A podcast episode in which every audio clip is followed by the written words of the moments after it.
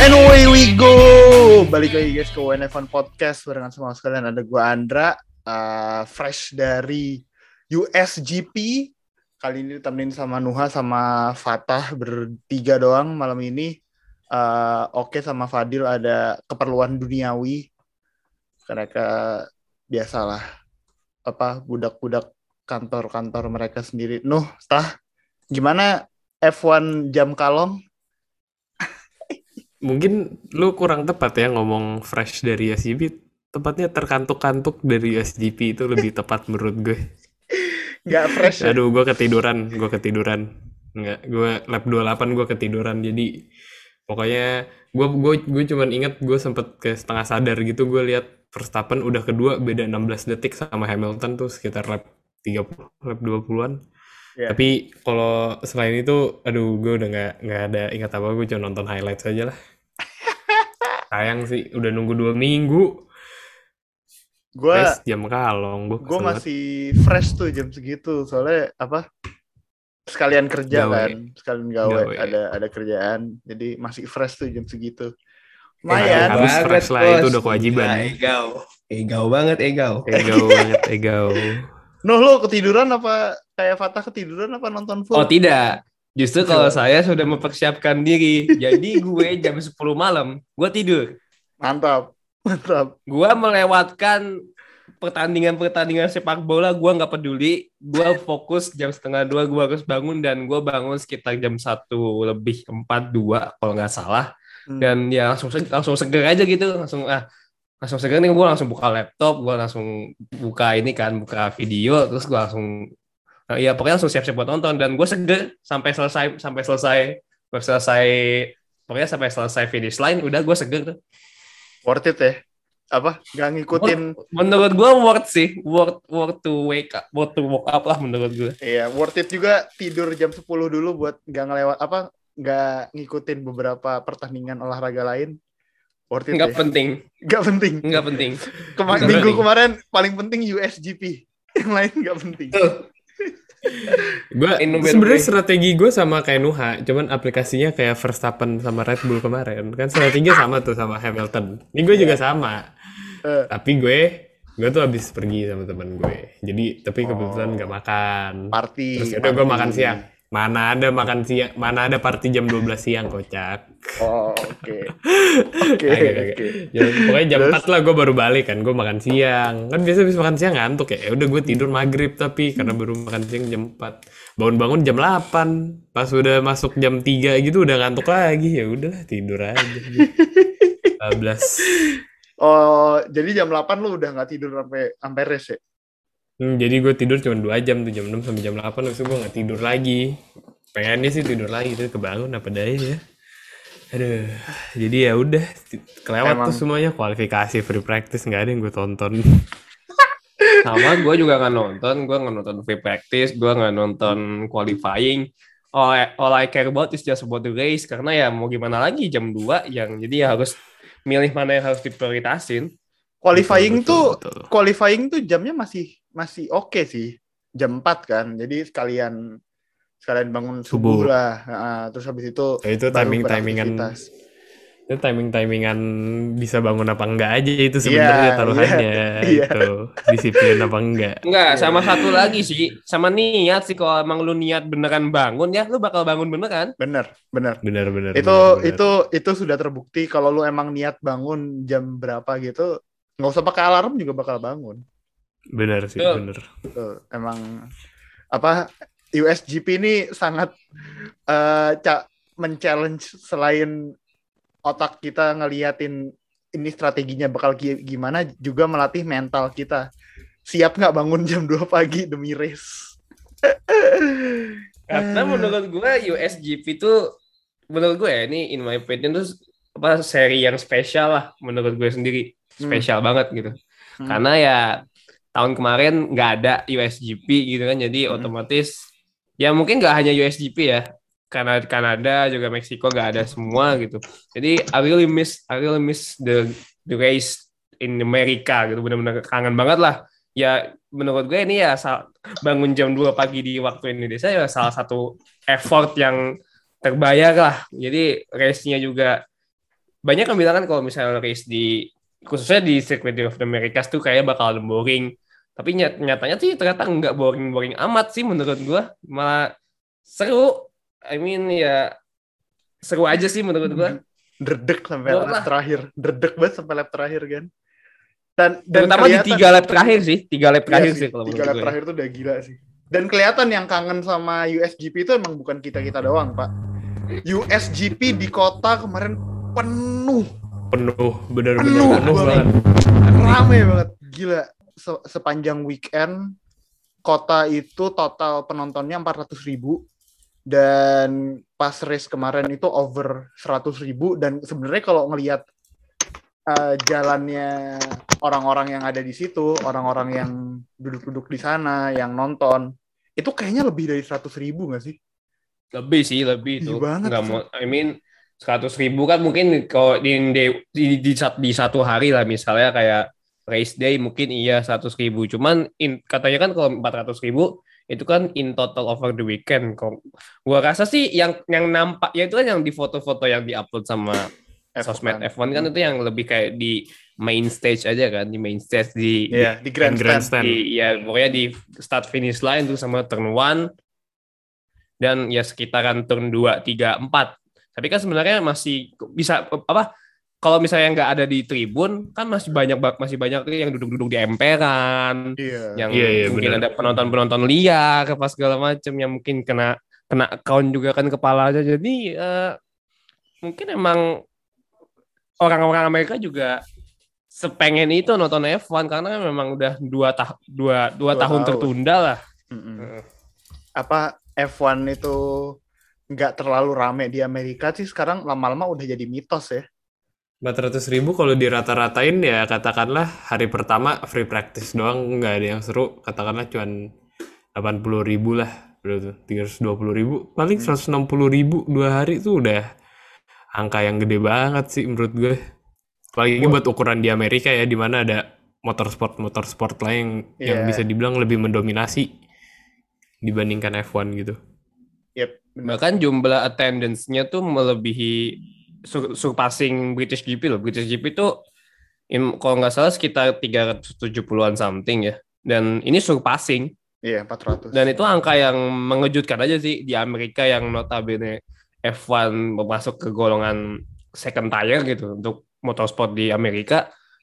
Nowadays bisa bisa nggak nggak penonton lebih dari 400 ribu di sirkuit sendiri. sirkuit. Bahkan itu kan eventnya langsung berbarengan dengan NASCAR kalau nggak salah. Ada, iya benar. Ada NASCAR Ya ada di NASCAR Kansas. kalau nggak salah gue lupa. Heeh. And the whole attention in Amerika tuh into the F1 itu gokil Hmm. sih menurut gue. Yes, yang bikin apa solid juga tuh jam-jam segitu kan kalau di Amerika tuh eh, di hari Minggu apalagi ya barengan sama NFL kan yang notabene olahraga paling populer di Amerika gitu. Tapi walaupun gitu juga mereka tetap bisa bikin kota penuh and that's something we have to celebrate gitu. Lama-lama F1 dapat nih nyari market yang selama ini dibilang challenging market Amerika ya, ya abis ini ya lama-lama dapat dan kelihatan sih kemarin tuh nggak cuma dari penonton doang tapi ada beberapa public figure yang uh, datang kan ada Chris. Bosh ada Shaquille O'Neal Yes.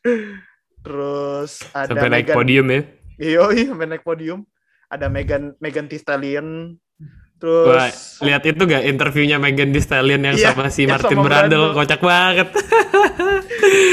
Masa yang lucu itu bodyguardnya gak tahu Martin Brundle siapa, jadi ya alang-alangin gitu. Nggak, Lucu pertanyaannya juga juga lucu Mau Can di you- interview? can you rap about this can you rap about this race Megan ya aja disuruh nge-rap orang lagi nonton. buat gua USGP kemarin it's a huge success buat F1 mungkin secara vibe yang bisa ngalahin cuman Dutch GP tahun ini. Karena Dutch GP itu Hmm. kemarin benar-benar Yang udah full capacity ya. full capacity dan gak ada lawan. Karena ada pembalap tuan rumah kan di situ. Kalau di US kan gak ada pembalap tuan rumah. Notabene ada Sergio Perez yang dari Meksiko. Cuma ya tetap bukan tuan rumah kan. Kalau ada pembalap Amerika pasti lebih lebih ngaco lagi tuh kemarin uh, kota but yeah that's it about uh, the general US Grand Prix secara packaging event that's already been great. Kalau ada lagi yang spesial tuh driver-driver banyak yang make helm spesial kemarin buat USGP. Uh, ada Ricciardo, ada Bottas, ada Norris, uh, Russell dan ada banyak lah, ada beberapa gitu. Kalian mungkin bisa cek desainnya. Kalau buat yang dengerin itu ada lengkap tuh di Twitter nama akunnya tuh F1 HLM. F1 Helmet. Jadi F1 HLM di follow, kalian cek-cek di situ aja. Lengkap banget itu. Hmm. Jadi setiap ada desain baru yang spesial, mereka pasti update di situ. Uh, kalau lu deh, Nuh, lu kemarin helm suka punya siapa Nuh? Kalau gua sih, ya ini kan helm subjektif ya. Iya, subjektif. Gak apa-apa. Emang emang subjektif. Menurut gue semuanya keren, menurut gue keren-keren ya semuanya ya mereka ya desainnya benar-benar dipikir lah niat gitu. Tapi kalau disuruh milih, uh, it's really hard. I mean, gue bakal milihnya ke helmnya Mazepin malah. Oh yang merah ya? Ada merah iya. sama putihnya gitu ya? Merah yeah, putih yeah, yeah. and there's a longhorn side di logo khas di depannya itu. Oh, the longhorn. Ya dan tekstur kan itu kan kayak ada tekstur ular ya. Tekstur kulit ular ya. Uh, I don't know what that means gitu. Ya menurut gue ya beda aja sih dari helm-helm dia yang biasa dia pakai. Ya at least ada something positif lah dari Mazepin untuk tahun ini ya. Oke, kalau buat teman-teman yang belum tahu, motif Longhorn itu sebenarnya karena Texas nih kan di University of Texas itu timnya dia itu namanya Texas Longhorns. Jadi kalau kemarin lihat mobilnya Shaq yang nanti kita bakal bahas juga itu kan kayak ada uh, motif banteng tapi ada kayak tanduk panjangnya terus Crofty sering ngomong in the state of the Longhorns ya karena Texas itu identik sama the Longhorns gitu. Tah, siapa favorit? Gue uh, kalau secara sentimental ya kalau dari makna helmnya menurut gue helmnya Ricciardo bagus banget uh, tribute ke Dale Earnhardt dan dia juga not uh, apa ya uh, fans beratnya NASCAR kan dan terutama Dale Earnhardt senior yang kehilangan nyawanya uh, saat membalap. Jadi kalau dari maknanya sendiri uh, paling menurut uh, Daniel Ricciardo salah satu yang lumayan favorit lah. Tapi kalau dari looks-nya doang menurut gue paling keren justru Botas karena ini nggak nggak Botas banget gitu buat bikin helm yang me, uh, apa ya istilahnya apa sih kalau warnanya rame gitu apa ya rame terus lebih ceria mungkin eh, kata-kata yang tepat jadi uh, colorful banget lah helmnya botas dan biasanya kan helmnya botas lebih biru gelap gitu tapi kali ini lebih nggak botas dan gue justru suka sih keren banget karena nggak botas. botas karena nggak botas banget nggak ya? botas iya karena nggak botas banget gitu kayak loh kok kayak gini desainnya keren gitu kayak kalau lo gimana kayak siapa yang helm yang lo suka kemarin Nah, buat helm, gue setuju sama Fata sih. Helmnya Daniel Ricciardo itu dari segi looks dan oh kalau dari segi makna dalam banget emang, emang tribut sih. Sampai dia kan ini nyetir mobilnya Dale Earnhardt punyanya Jack Brown yep. kan. Bener. Saking ngefansnya. Tapi kalau dari segi look pun gue juga sebenarnya suka punya Daniel Ricciardo sih. Kenapa nah. helmnya tuh Amerika banget tuh. Helmnya clean, clean banget, hitam. Udah nggak rame soalnya uh, notabene helm F1 itu terkenal dengan rame kan banyak sponsor gitu banyak motif dan sponsor tapi helm Ricardo kali ini benar-benar beda sebenarnya bukan personal dirinya sebenarnya nggak menunjukkan dia kayak yang apa ya uh, tersenyum lebar terus suka apa ramah ke semua orang tapi dengan dia pakai helm ini itu keluar dari personanya dia. Oke oke oke. Daniel Ricciardo tuh btw kemarin kayaknya orang paling seneng apa driver paling happy ya di grid buat USGP. Driver paling Amerika dari orang Amerika. Iya, Dia yeah. paling Amerika dari orang Amerika itu sendiri. Orang apa F1 gak kalau orang bilang F1 gak punya driver Amerika salah anjir ada Daniel Ricciardo anjir. Yeah. Amerika banget anjir kemarin dia. Betul betul. Weekend. Banyak Kalau- banget tuh apa kayak posting-posting apa post-postnya F1 itu ini nampilin Ricciardo itu. Mm-mm. Wah, enak. Yang Ricciardo aksen Amerika, Ricciardo nyetir mobil uh, Earnhardt, Earnhardt. Mereka uh, apa Ricciardo pakai topi cowboy, uh, Ricciardo pakai Iya. baju cowboy. Pokoknya semua Kumisnya juga tuh kumisnya. Iya, kumisnya juga baru. Ini kayak Hmm. anjir orang paling seneng nih di di GP orang paling kemarin. seneng ke Amerika. Kalau- sorry nih, Ah. melenceng dulu, sorry dari dari apa? Dari race atau dari helm. Menurut gue salah satu momen paling keren itu eh, Ricciardo bawa mobilnya Dale Earnhardt dan walaupun kayak gue gue nggak tahu gue belum lihat atau emang nggak ada ya F1 belum upload kayaknya kayak full on board atau full Oh iya, kalau full nggak ada. rekaman ini Oh iya ya. belum. Belum. tapi suara suara mesinnya itu aduh gila dulu gue gue kan lumayan baru lah jadi fans F1 terus gue pikir kayak ah, mesin V6 turbo nggak nggak sejelek itulah suaranya nggak sejelek yang orang bilang terus gue denger suara mobilnya Dale Earnhardt tuh aduh gila udah nggak ada itu cakep banget suaranya nggak ada nggak ada perbandingannya sih dibandingin dibandingin V6 turbo hybrid aduh V6 turbo nggak ada itu kan terkenal kan soal anjir. itu kan terkenal. Zac Brown kan mobilnya eksotis eksotis gitu mobilnya. iya tapi Terus itu Chevrolet- jujur itu Chevrolet 2000 eh 2084 kan? Chevrolet 84 apa 86 gitu. Pak gue. iya iya pokoknya Gitu. lumayan mobil klasik lah dan wah suaranya gila sih cakep banget dibandingin dibandingin mobil F1 V6 ya no offense menurut gue V6 turbo hybrid kayak bukan yang jelek banget juga gitu terus menurut gue juga orang lebih ke bawah nostalgia pas ngebandingin sama suara V10 gitu tapi dibandingin mau suara mobilnya Dale Earnhardt yang gue kurang tahu sih spek mesinnya apa ya V, V berapa atau berapa liter gue nggak ngerti tapi itu suaranya waduh cakep banget pak menurut gue dibandingin suara mobil V6 suara mobil F1 sekarang sih Oke, eh, balik dulu ke helm. Kalau gue favorit sama kayak Fatah buat look ya tapi buat tas. Gue kombinasi warna biru or eh biru ya biru oranye sama pokoknya warna cerah-cerah gitu gitu, ya? warna-warna pastel, warna-warna pastel terus layouting eh, kan dia kan dibagi per section gitu kan. Tulisan-tulisannya tuh ada kayak section-section kotak-kotak-kotak gitu. Itu ngebaginya bener-bener bagus banget.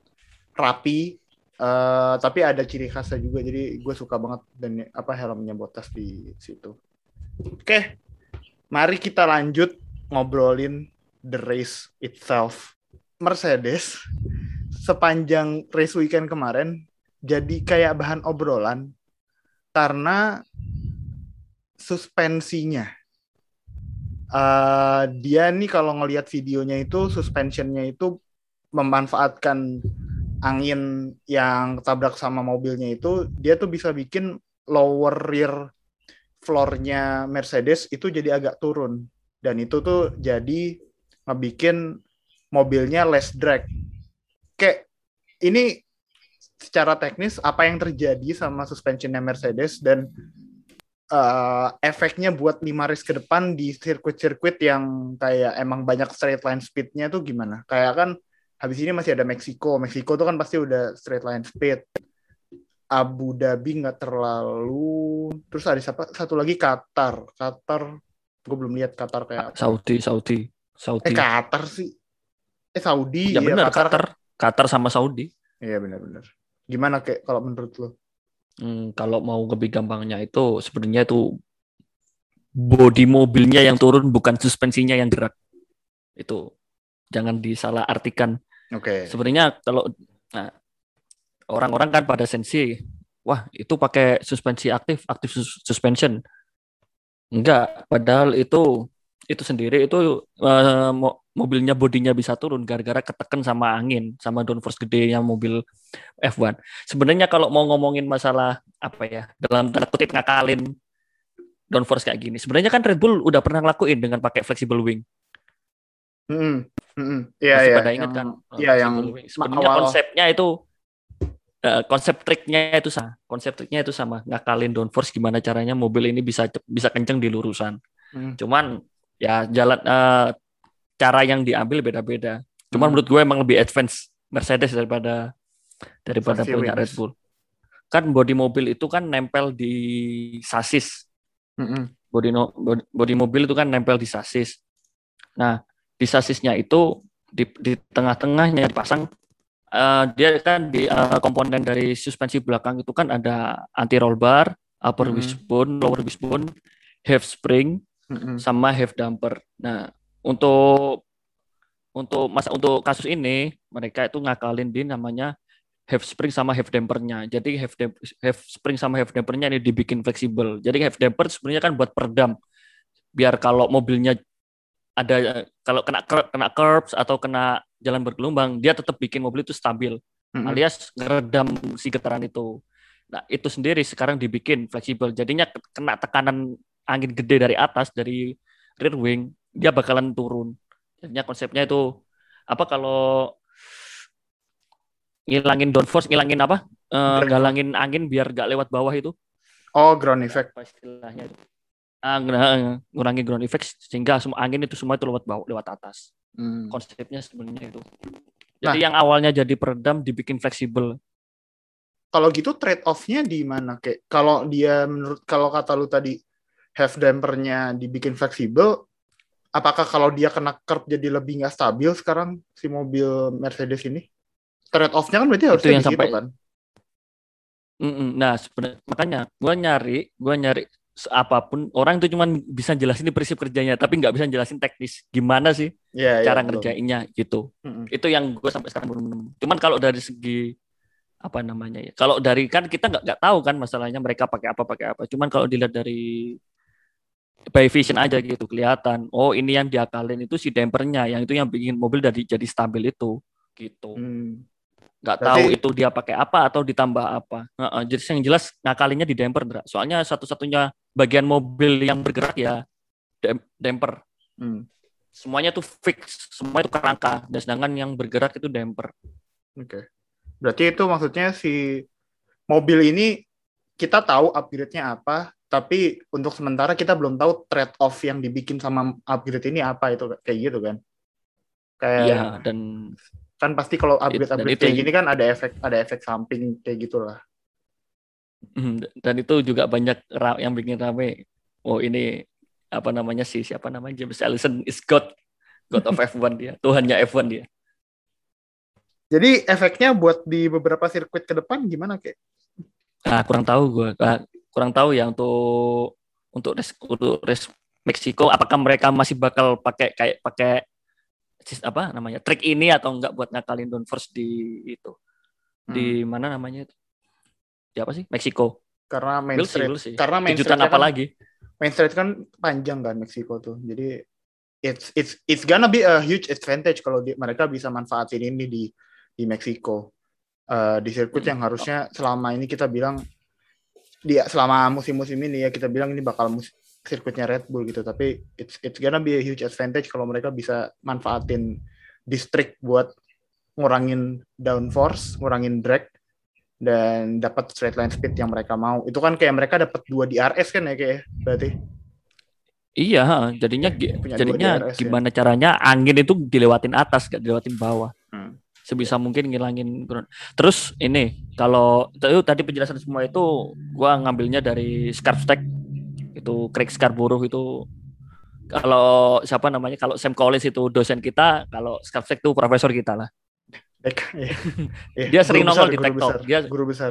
dia dia sering nongol di TikTok sama Sam Collins Ya, kalau bisa cek di Twitternya itu Scarf Stack Menarik obrolan soal suspension Mercedes ini talk kedua kita di dua episode terakhir. Jadi emangnya cuma F1 yang bisa ngeluarin talk itu juga bisa WN F1 ngeluarin talk bisa juga. Iyalah, Iyalah, nggak mau kalah ya. gak mau kalah sama siapa? Sam Collins sama Craig Scarborough. Ntar eh gua ada fun fact sama Craig Scarborough dia tuh fotonya copyright loh Gimana dia tuh? tuh punya kayak dia dia tuh punya foto kayak ini di Instagramnya itu dia ngepost displaynya Mercedes. Nah itu itu dia dia dia, dia di bawahnya ditulis pictures copyright of Scartech no reproduction without permission. Nanti Oh, dia iya, iya, benar-benar iya, iya. insider. dia dia dia ngefoto Jadi- tag-tagnya gitu sendiri, foto sendiri. Dan itu emang Mm-mm, fotonya emang jadinya foto kalau- dia gitu. Nah, kita kan sebenarnya pengen share juga, cuman ya itu tadi sih terkendala itulah. Jadi makanya kalian bisa follow ke sana. Yoi. Nanti kalau ada yang nggak paham bisa tanya langsung, mention kita. Di USGP kemarin di start eh, lumayan chaos di bagian-bagian tengah grid. Eh, kita ngelihat Ferrari sama McLaren lumayan imbang di sirkuit ini. Ferrari sama McLaren sempat terlibat battle three-way antara Carlos, Lando, sama Ricciardo di main straight.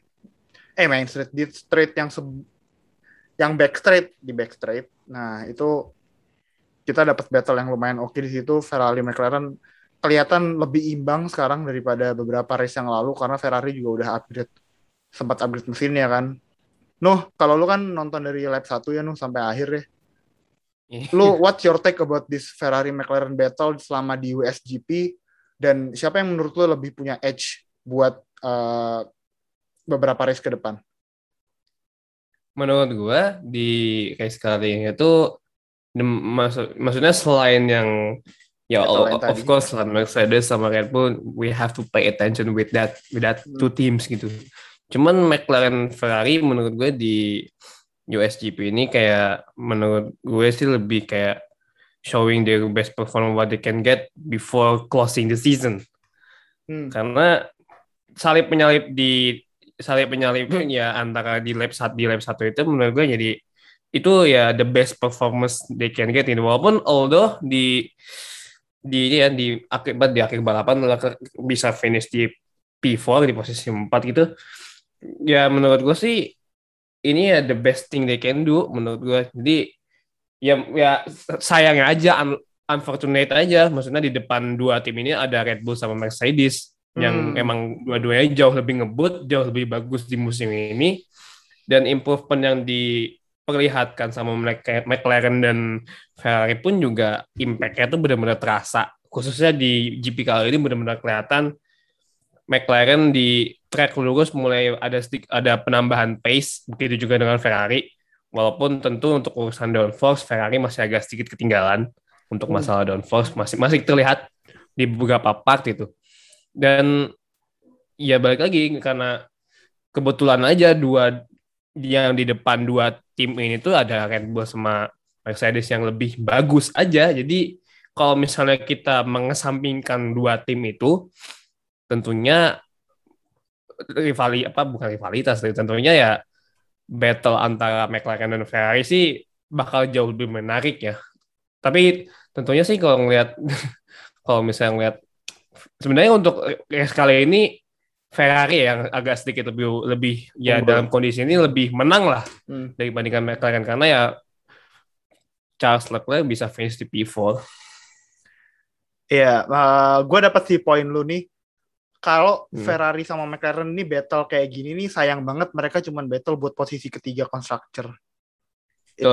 Kalau aja nggak ada Red Bull sama Mercedes di depannya, this kind of battle itu juga bakal seseru eh, apa yang terjadi di 2021 sekarang gitu antara Verstappen sama Hamilton. Karena menurut gue malah ini lebih lebih apa ya seesaw battle-nya tuh lebih balance-nya tuh geser-geser banget lah. Di race ini bisa tiba-tiba McLaren lebih bagus di racing kedua bisa tiba-tiba Ferrari ngejar dan lebih oke gitu. It's kind of the Ya battle yang unpredictable, unpredictable. This is the kind of battle yang lu nontonnya tuh sayang aja sih gitu. Ini cuman buat posisi ketiga di constructor, bahkan driver-drivernya tuh nggak ada yang challenging buat world driver title. Tah, pembalap favorit tuh mid mid Kiardo ini P5 tah. Ya selama gak konsisten, selama gak konsisten kayak ya, ya. Nggak gini, gini, gini. Gue, gue, gue nggak pernah suka lihat atlet down tuh gue nggak suka. Menurut gue, kalau gue ngeliat tim down kayak misalnya gue liat Dodgers kalah atau tim apa kalah gue seneng gak apa. Tapi kalau satu spesifik atlet, kenapa lo mention Kayak- Dodgers setan ya kan yang recent itu yang keinget yang kepikiran. Kalau satu spesifik atlet down tuh gue gue sedih juga gitu rasanya karena itu ini orang kan berjuang mati-matian juga gitu buat nyampe level itu. Kalau dia jelek ya gue juga sedih lihat ya. Tapi gue juga at the same time gue nggak mau tetap muji-muji nih driver kayak apa ya kayak buta gitu loh sama performance-nya gue nggak mau. Jadi ya gue gue sih ya jujur-jujur aja kalau menurut gue lagi jelek ya gue gue bilang mid gitu ya gimana gitu emang bukan emang nggak apa ya formnya lagi jelek mungkin gitu tapi kalau selama belum konsisten, kalau 6 race terakhir ini deh dia konsisten aja. Nih empat driver nih Ricciardo, Norris, eh, Sainz sama Leclerc atau ya kita lagi ngomongin Ricciardo jadi spesifik Ricciardo ya. Kalau dia konsisten dan bisa eh, mempertahankan McLaren di P3 Championship untuk tahun ini dan eh, McLaren regain apa retain before eh P3 di Championship buat tahun depan juga ya ya udah gue akui emang ya udah berarti emang formnya bagus mungkin dia butuh waktu yang lama aja untuk ada adaptasi tapi ya udah berarti emang udah nggak mid mid amat lah tapi gue nggak bakal naruh dia untuk musim ini di level yang sama kayak Hamilton atau Verstappen karena Ya, nggak nggak. nggak fair aja Nggak buat ada. mereka gitu Nggak ada. tapi nggak menurut ada gue yang so far nggak ada yang level sama mereka sih bener tapi ya menurut gue so far ya dia emang lagi lagi kurang bagus aja lah formnya Ya, gitu ya sih. even sama Sergio Perez pun belum sebanding sih. Wah, iya sih. Iya sih. Bener. Walaupun Perez sempat nggak konsisten di mid season, tapi akhir-akhir ini dia clutch deh, coming clutch buat Red Bull. Tapi kalau lu- ini inter, intermezzo aja kalau lu tadi bilang Red Bull sama eh Verstappen sama Hamilton beda kelas sama semua driver lainnya. Verstappen sama Hamilton itu beda 40 detik sama Sergio Perez kemarin finishnya. Gapnya antara Verstappen ke Hamilton kan satu detik. Hamilton ke Perez tuh 40 detik. Jadi kelihatan lah beda levelnya dua orang ini sama orang-orang apa sama driver-driver yang lain kayak apa. Dan kalau Hmm. kemarin akhirnya kita ngeliat setelah tiga race Verstappen gak berhasil memenangkan race kemarin akhirnya dia balik ke top step of the podium sekarang dia berhasil bikin jarak 12 poin antara Verstappen sama Hamilton. Tapi kalau ngelihat apa yang terjadi kemarin, it's gonna be even closer than whatever people think. Iya nggak sih? Hmm, Tah. ya benar-benar Eh, kemarin gue nonton videonya bukan Just Survival siapa? Tapi lu nggak Tomo ya, nonton sih akhir-akhir. Tapi lu nggak nonton sih lap-lap akhir. Iya, iya. Iya. iya. Nggak, tapi kalau untuk the grander scheme of thing lah buat championshipnya ya, bukan untuk one single race. Dan menurut gue justru eh season ini bakal exciting selama nggak ada yang menang kayak sisa dua race terus ada yang menang gitu. Itu itu nggak asik sih buat gue. Jadi, jadi gue harapkan ya masih tektokan terus lah kayak at least Verstappen eh, Meksiko dua, habis itu nanti Brazil menang, terus nanti Qatar dulu ya berarti ya. Qatar, Hamilton menang, terus di penentuannya di di Arab. Saudi, Saudi, Saudi. di Saudi nanti Oh iya, siapa lah yang Saudi. menang Perez kayak atau siapa yang Arab banget ya? Nggak ada yang Arab banget ya pembalap F1 gue baru nyadar. Nggak ada, nggak ada. nggak ada. Nggak Kalau ada, Ameri- tapi- Amerika banget, Amerika banget. Amerika ada. banget ada. Ada, Iya. ada, ada. Kalau Arab banget nggak ada. Iya, kalau Arab banget susah ya siapa ya? Ya pokoknya siapa lah yang lain lah yang menang di Arab biar tetap ketat aja gitu sampai race terakhir karena eh melenceng dikit dari USGP mungkin ya. Tapi gue penasaran aja bakal sebagus apa racingnya di Abu Dhabi yang baru. Dan ya pengen aja gitu nanti sampai race terakhir kita masih disuguhkan entertainment yang even if race-nya boring, at least kita tahu ada sesuatu, there's something at stake gitu. Dan itu bukan posisi ketiga, bukan posisi keempat, bukan posisi kelima, tapi posisi pertama di Drivers Championship. Dan itu menurut gue, apa ya, mengerti konteks da- kenapa race ini penting, itu lebih penting daripada race-nya sendiri gitu menurut gue ya. Kalau kemarin itu ada beberapa teks yang gue baca di Twitter maupun di sosial media setelah ini ya, setelah Turkish ya. Jadi gue baca setelah Turkish tuh di sisa 6 race terakhir itu sirkuitnya semua advantage buat Red Bull gitu. Tapi kalau ternyata lo ngelihat USGP kemarin kan it's closer than everyone thinks. Mercedes Yeah. sama Lewis, Lewis Hamilton tuh kan eh, straight line speednya gila kemarin. Eh, dan juga dia paling cuman beda beberapa detik sama Verstappen. Mungkin cuman salah di beberapa corner gitu. Secara strategi Red Bull sama Mercedes dua-duanya udah bener ngelakuin. Dan emang sisa beda skill drivernya aja on track gitu. No one's gonna be nah. Bentar bentar bentar no one's gonna having the clear Oh. edge clear lead gitu sampai mungkin sampai Abu Dhabi dan ini nggak bakal segampang yang orang-orang bilang gitu buat nentuin siapa yang bakal juara sampai akhir musim. Gimana kek? Gua eh, ma- mumpung masih bahas Hamilton sama Max dan masalah strategi, eh gua kan pagi itu bangun terus banyakkan post itu mereka banyakkan post itu bahas masalah strateginya Mercedes yang menurut mereka blunder lagi, blunder tapi dalam kurung lagi. Hmm, Oke, kenapa kenapa? Soalnya gue gue mikirnya nggak nggak terlalu blunder sih. But ya Nah, gimana gimana? sebe- sebenarnya sepele banget cuman lumayan fatal menurut menurut setelah dibaca setelah di, dipahami lagi lumayan fatal jadi waktu start kan Max kalah sama di, Hmm. di- disalipkan sama Hamilton kan Hmm. di turn 1 Hmm. habis itu jalan sampai 10 lap Max Verstappen pit gue tuh sebenarnya nggak nonton sama nggak nonton sama saya cuman gue Iya. membayangkan dari apa yang gue baca. Nah, kesalahan pertama itu Hamilton kenapa lap 11 nggak nggak ngepit? Sebenarnya Iya, itu. Benar. Sedangkan nah, Hamilton ngepit di lap 14. Max ngelap di mat 14, Max itu udah keluar apa keluar kan dengan kondisi ban lebih baru. Setelah itu Hamilton masuk di lap 14 dan pas keluar itu udah udah di belakang Max selama 5 detik. 5, 5,5, 5,5 detik kan. 6 ya? 6 detik, 6 detik. 6 apa 5 sih? 6, 6, Enam Ingat, detik. ingat gue soalnya. Gue nonton ya 6 detik kok. Itu sih sebenarnya yang fatal banget sebenarnya itu. Itu apa ya? Menurut gua sih turning point-nya di situ sih. Sebenarnya kan itu kan Nggak tahu. basic Apa? 101, basic 101 how to cover any undercut attempt kan sebenarnya. Lo pit setelah Iya. eh, lawan lo pit, satu lap setelah lawan lo pit gitu kan langsung. menurut gua gini, gini Dra. Eh, mu- race engineer dari Hamilton itu meng- apa ya kurang men- menyadari kalau yang mereka yang mereka mereka itu lagi balapan sama Verstappen bukan balap Bukan pembalap Ferrari. lain.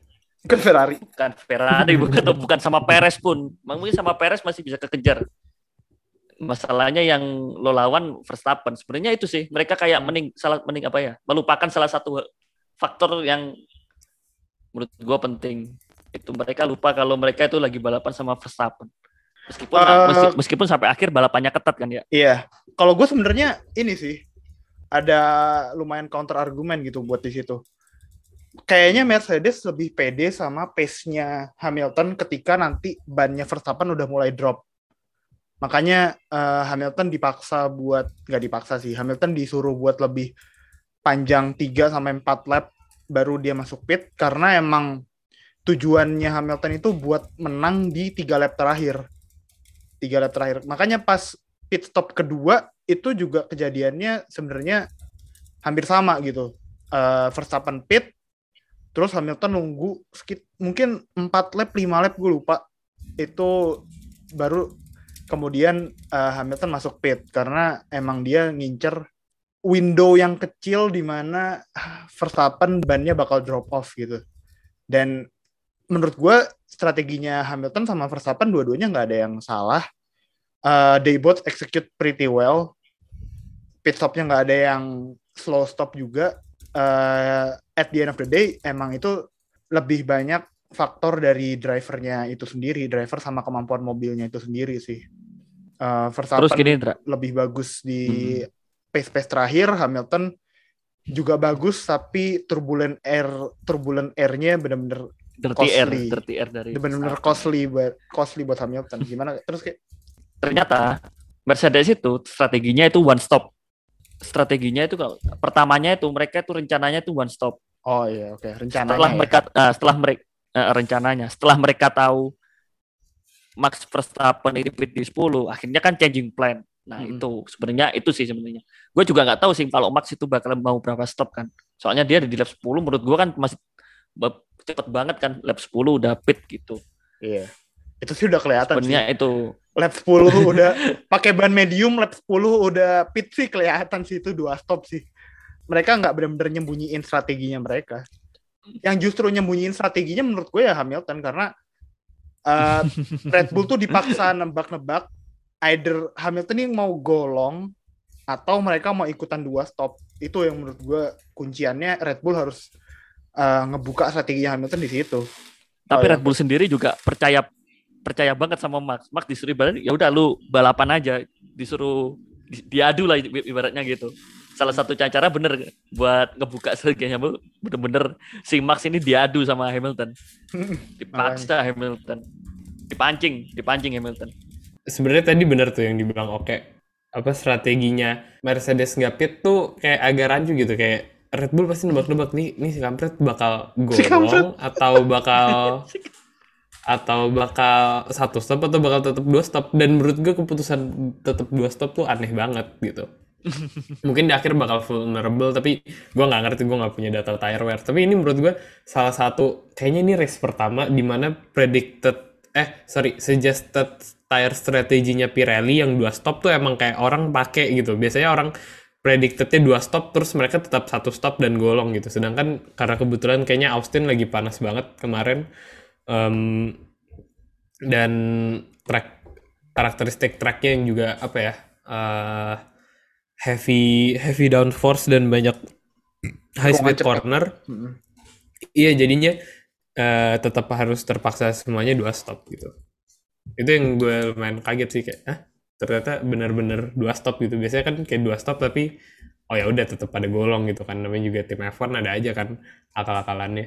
Ini baru kali ini nih Nah, gue i- kayak beneran beneran beneran beneran dua stop gitu loh dari sesuai saran Pirelli. Biasanya kan enggak Lah iya makanya maksud gue gini bingung.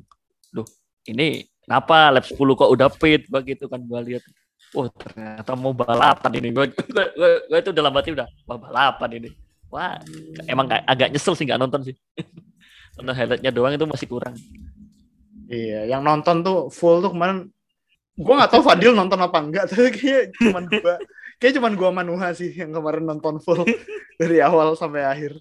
Tapi emang Seru Ndra, soalnya undercut Verstappen tapi di- hasilnya ini mepet. iya, iya benar. Verstappen dibiarin Seru. dibiarin sama Red Bull dibiarin ini.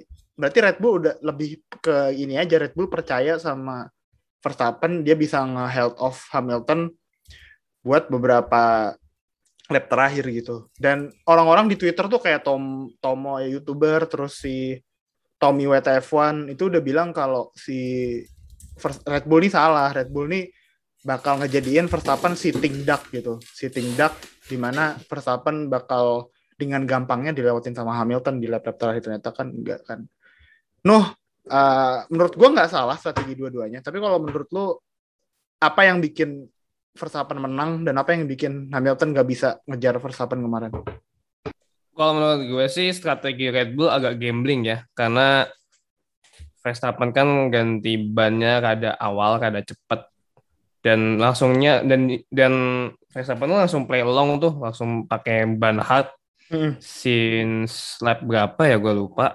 Pokoknya pokoknya lebih dulu aja, lebih duluan. Dan awalnya sih gue kaget ya loh, ini kok cepet cepet amat gitu ganti bannya tumben gitu, nggak kayak biasanya.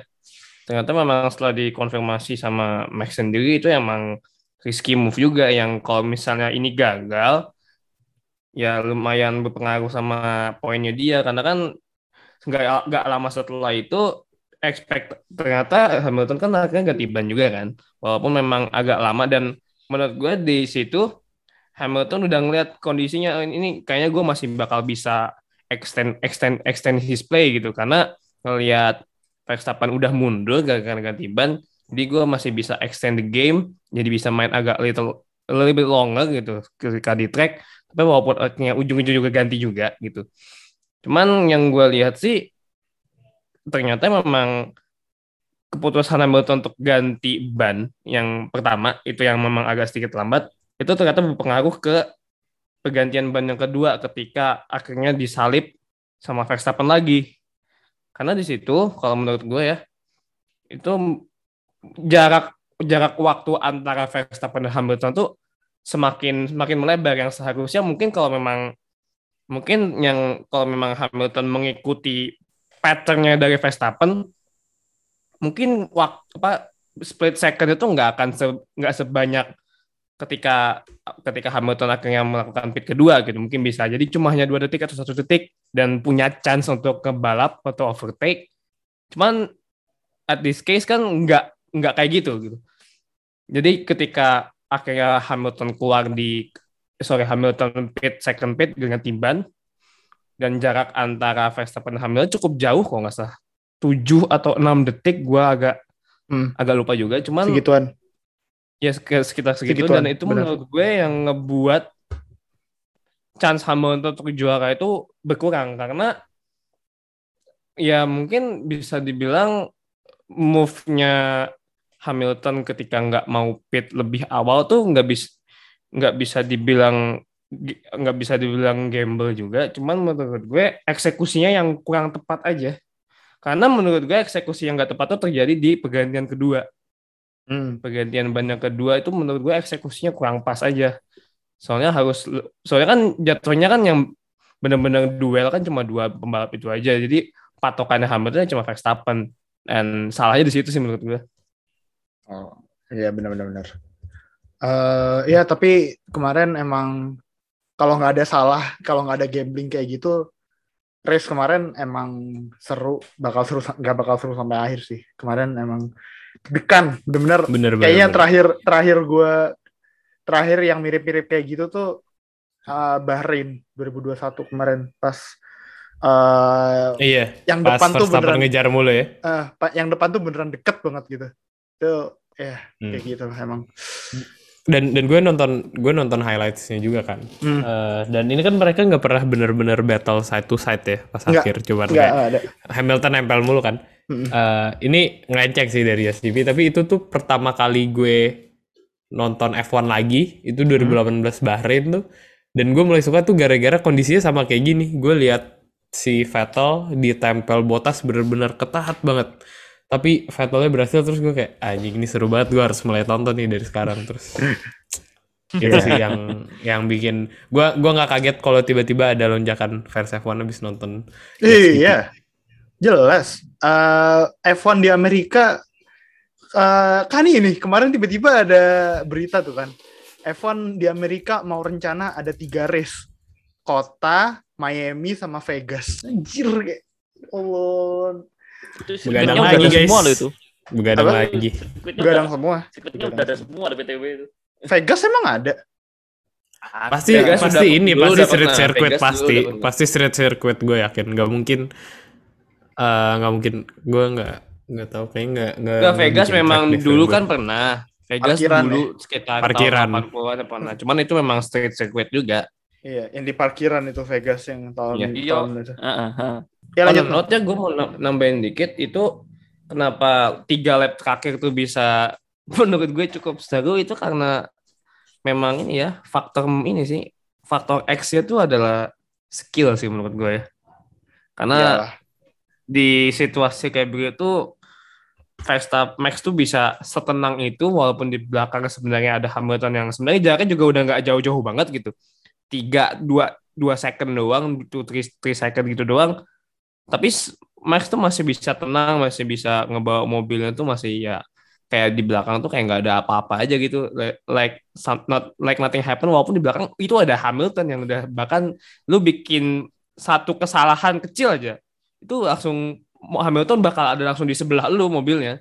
Dan ini ini emang beneran Verstappen sih sejago Tenang. itu sih Kemarin yang hampir costly tuh yang pas ketemu Schumacher itu nggak sih no? Terakhir-terakhir. ya ya itu Itu itu hampir tuh.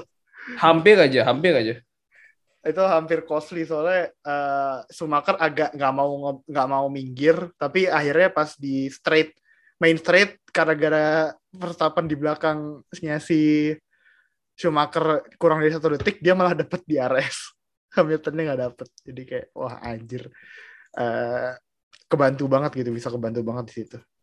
So yeah that's about the United States Grand Prix. Eh, terakhir sebenarnya agak gak penting gak penting banget tapi gue kemarin sebenarnya menyayangkan kenapa Shaq gitu yang naik ke podium ya. Soalnya gue sebenarnya ada gue sebenarnya ada kandidat lain yang lebih lebih Austin Texas gitu loh. Bahkan di namanya sendiri tuh ada Austin gitu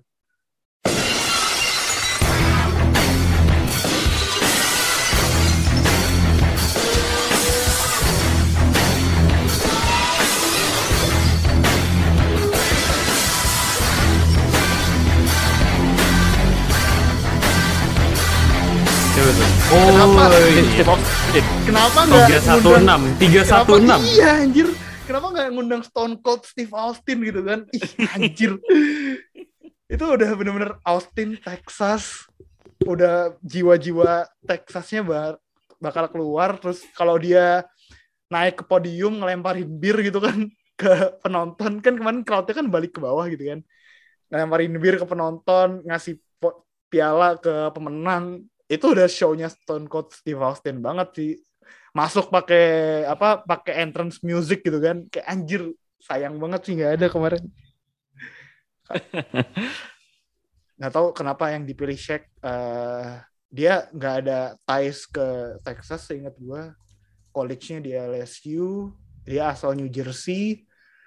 Mainnya di Miami Mainnya di Heat, Lakers, Lakers, Lakers, Miami, Celtics, Cleveland, Boston. Cleveland.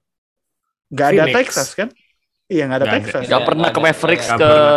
Rockets. Gak pernah ke nggak Dallas, gak pernah ke Houston, gak pernah ke San Antonio aja gak pernah. Iya makanya nggak tahu kenapa yang dipilih dan kasihan gitu loh kalau Shaq yang ditampilin di podium kasihan buat Hamilton yang ada di P2 kemarin bahkan Hamilton Sama, udah naik sejajar. Hamilton udah naik podium tuh masih lebih tinggi Shaq gitu loh kayak anjir Aduh, mana datangnya pakai mobil gitu lagi, mobil gede banget. Anjing. Stealing the thunder banget ya. Iya, sumpah. kayak ya ya ya bener sih mungkin ini tahu everything is big- bigger in Texas kan jadi kayak ya Shaq Shaq yang dipilih terus mobilnya juga mobilnya gede gitu kan Kayak, ya terlalu taking the if everything is bigger in Texas to literally lah F1 kemarin. Sayang banget St- Stone Cold si Steve Austin gak diundang. Semoga nanti diundang tuh buat di mana? Di kota tahun depan. Nah Shaq tuh buat Miami tahun depan tuh Nah bisa. ya pas bisa. Baru itu Shaq. Pas. Shaq. Buat di Miami tuh bisa. Tuh pas banget. Atau siapa kek Miami ngundang LeBron kayak anjing.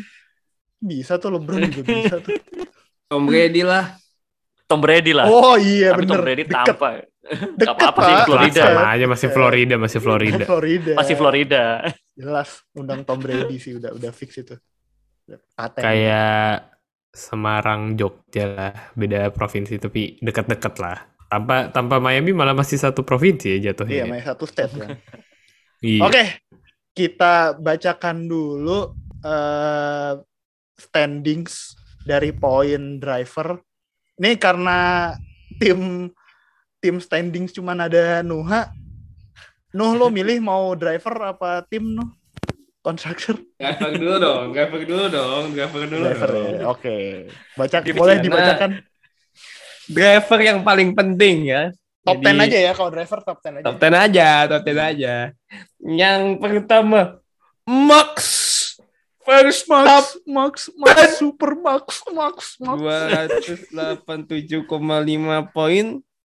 Dua, Lewis Hamilton 275,5 poin. Ini kalau yang nggak tahu ya, ini gua cara apa cara bacanya referensinya dari salah satu acara TV di Ghana kalau nggak salah ya orang orang ngomong yang ngomong bahasa Susah banget itu. itu lucu sih asli. Gue nggak tahu kebetulan, Lanjut. jadi ntar gue cek. Gue nggak tahu.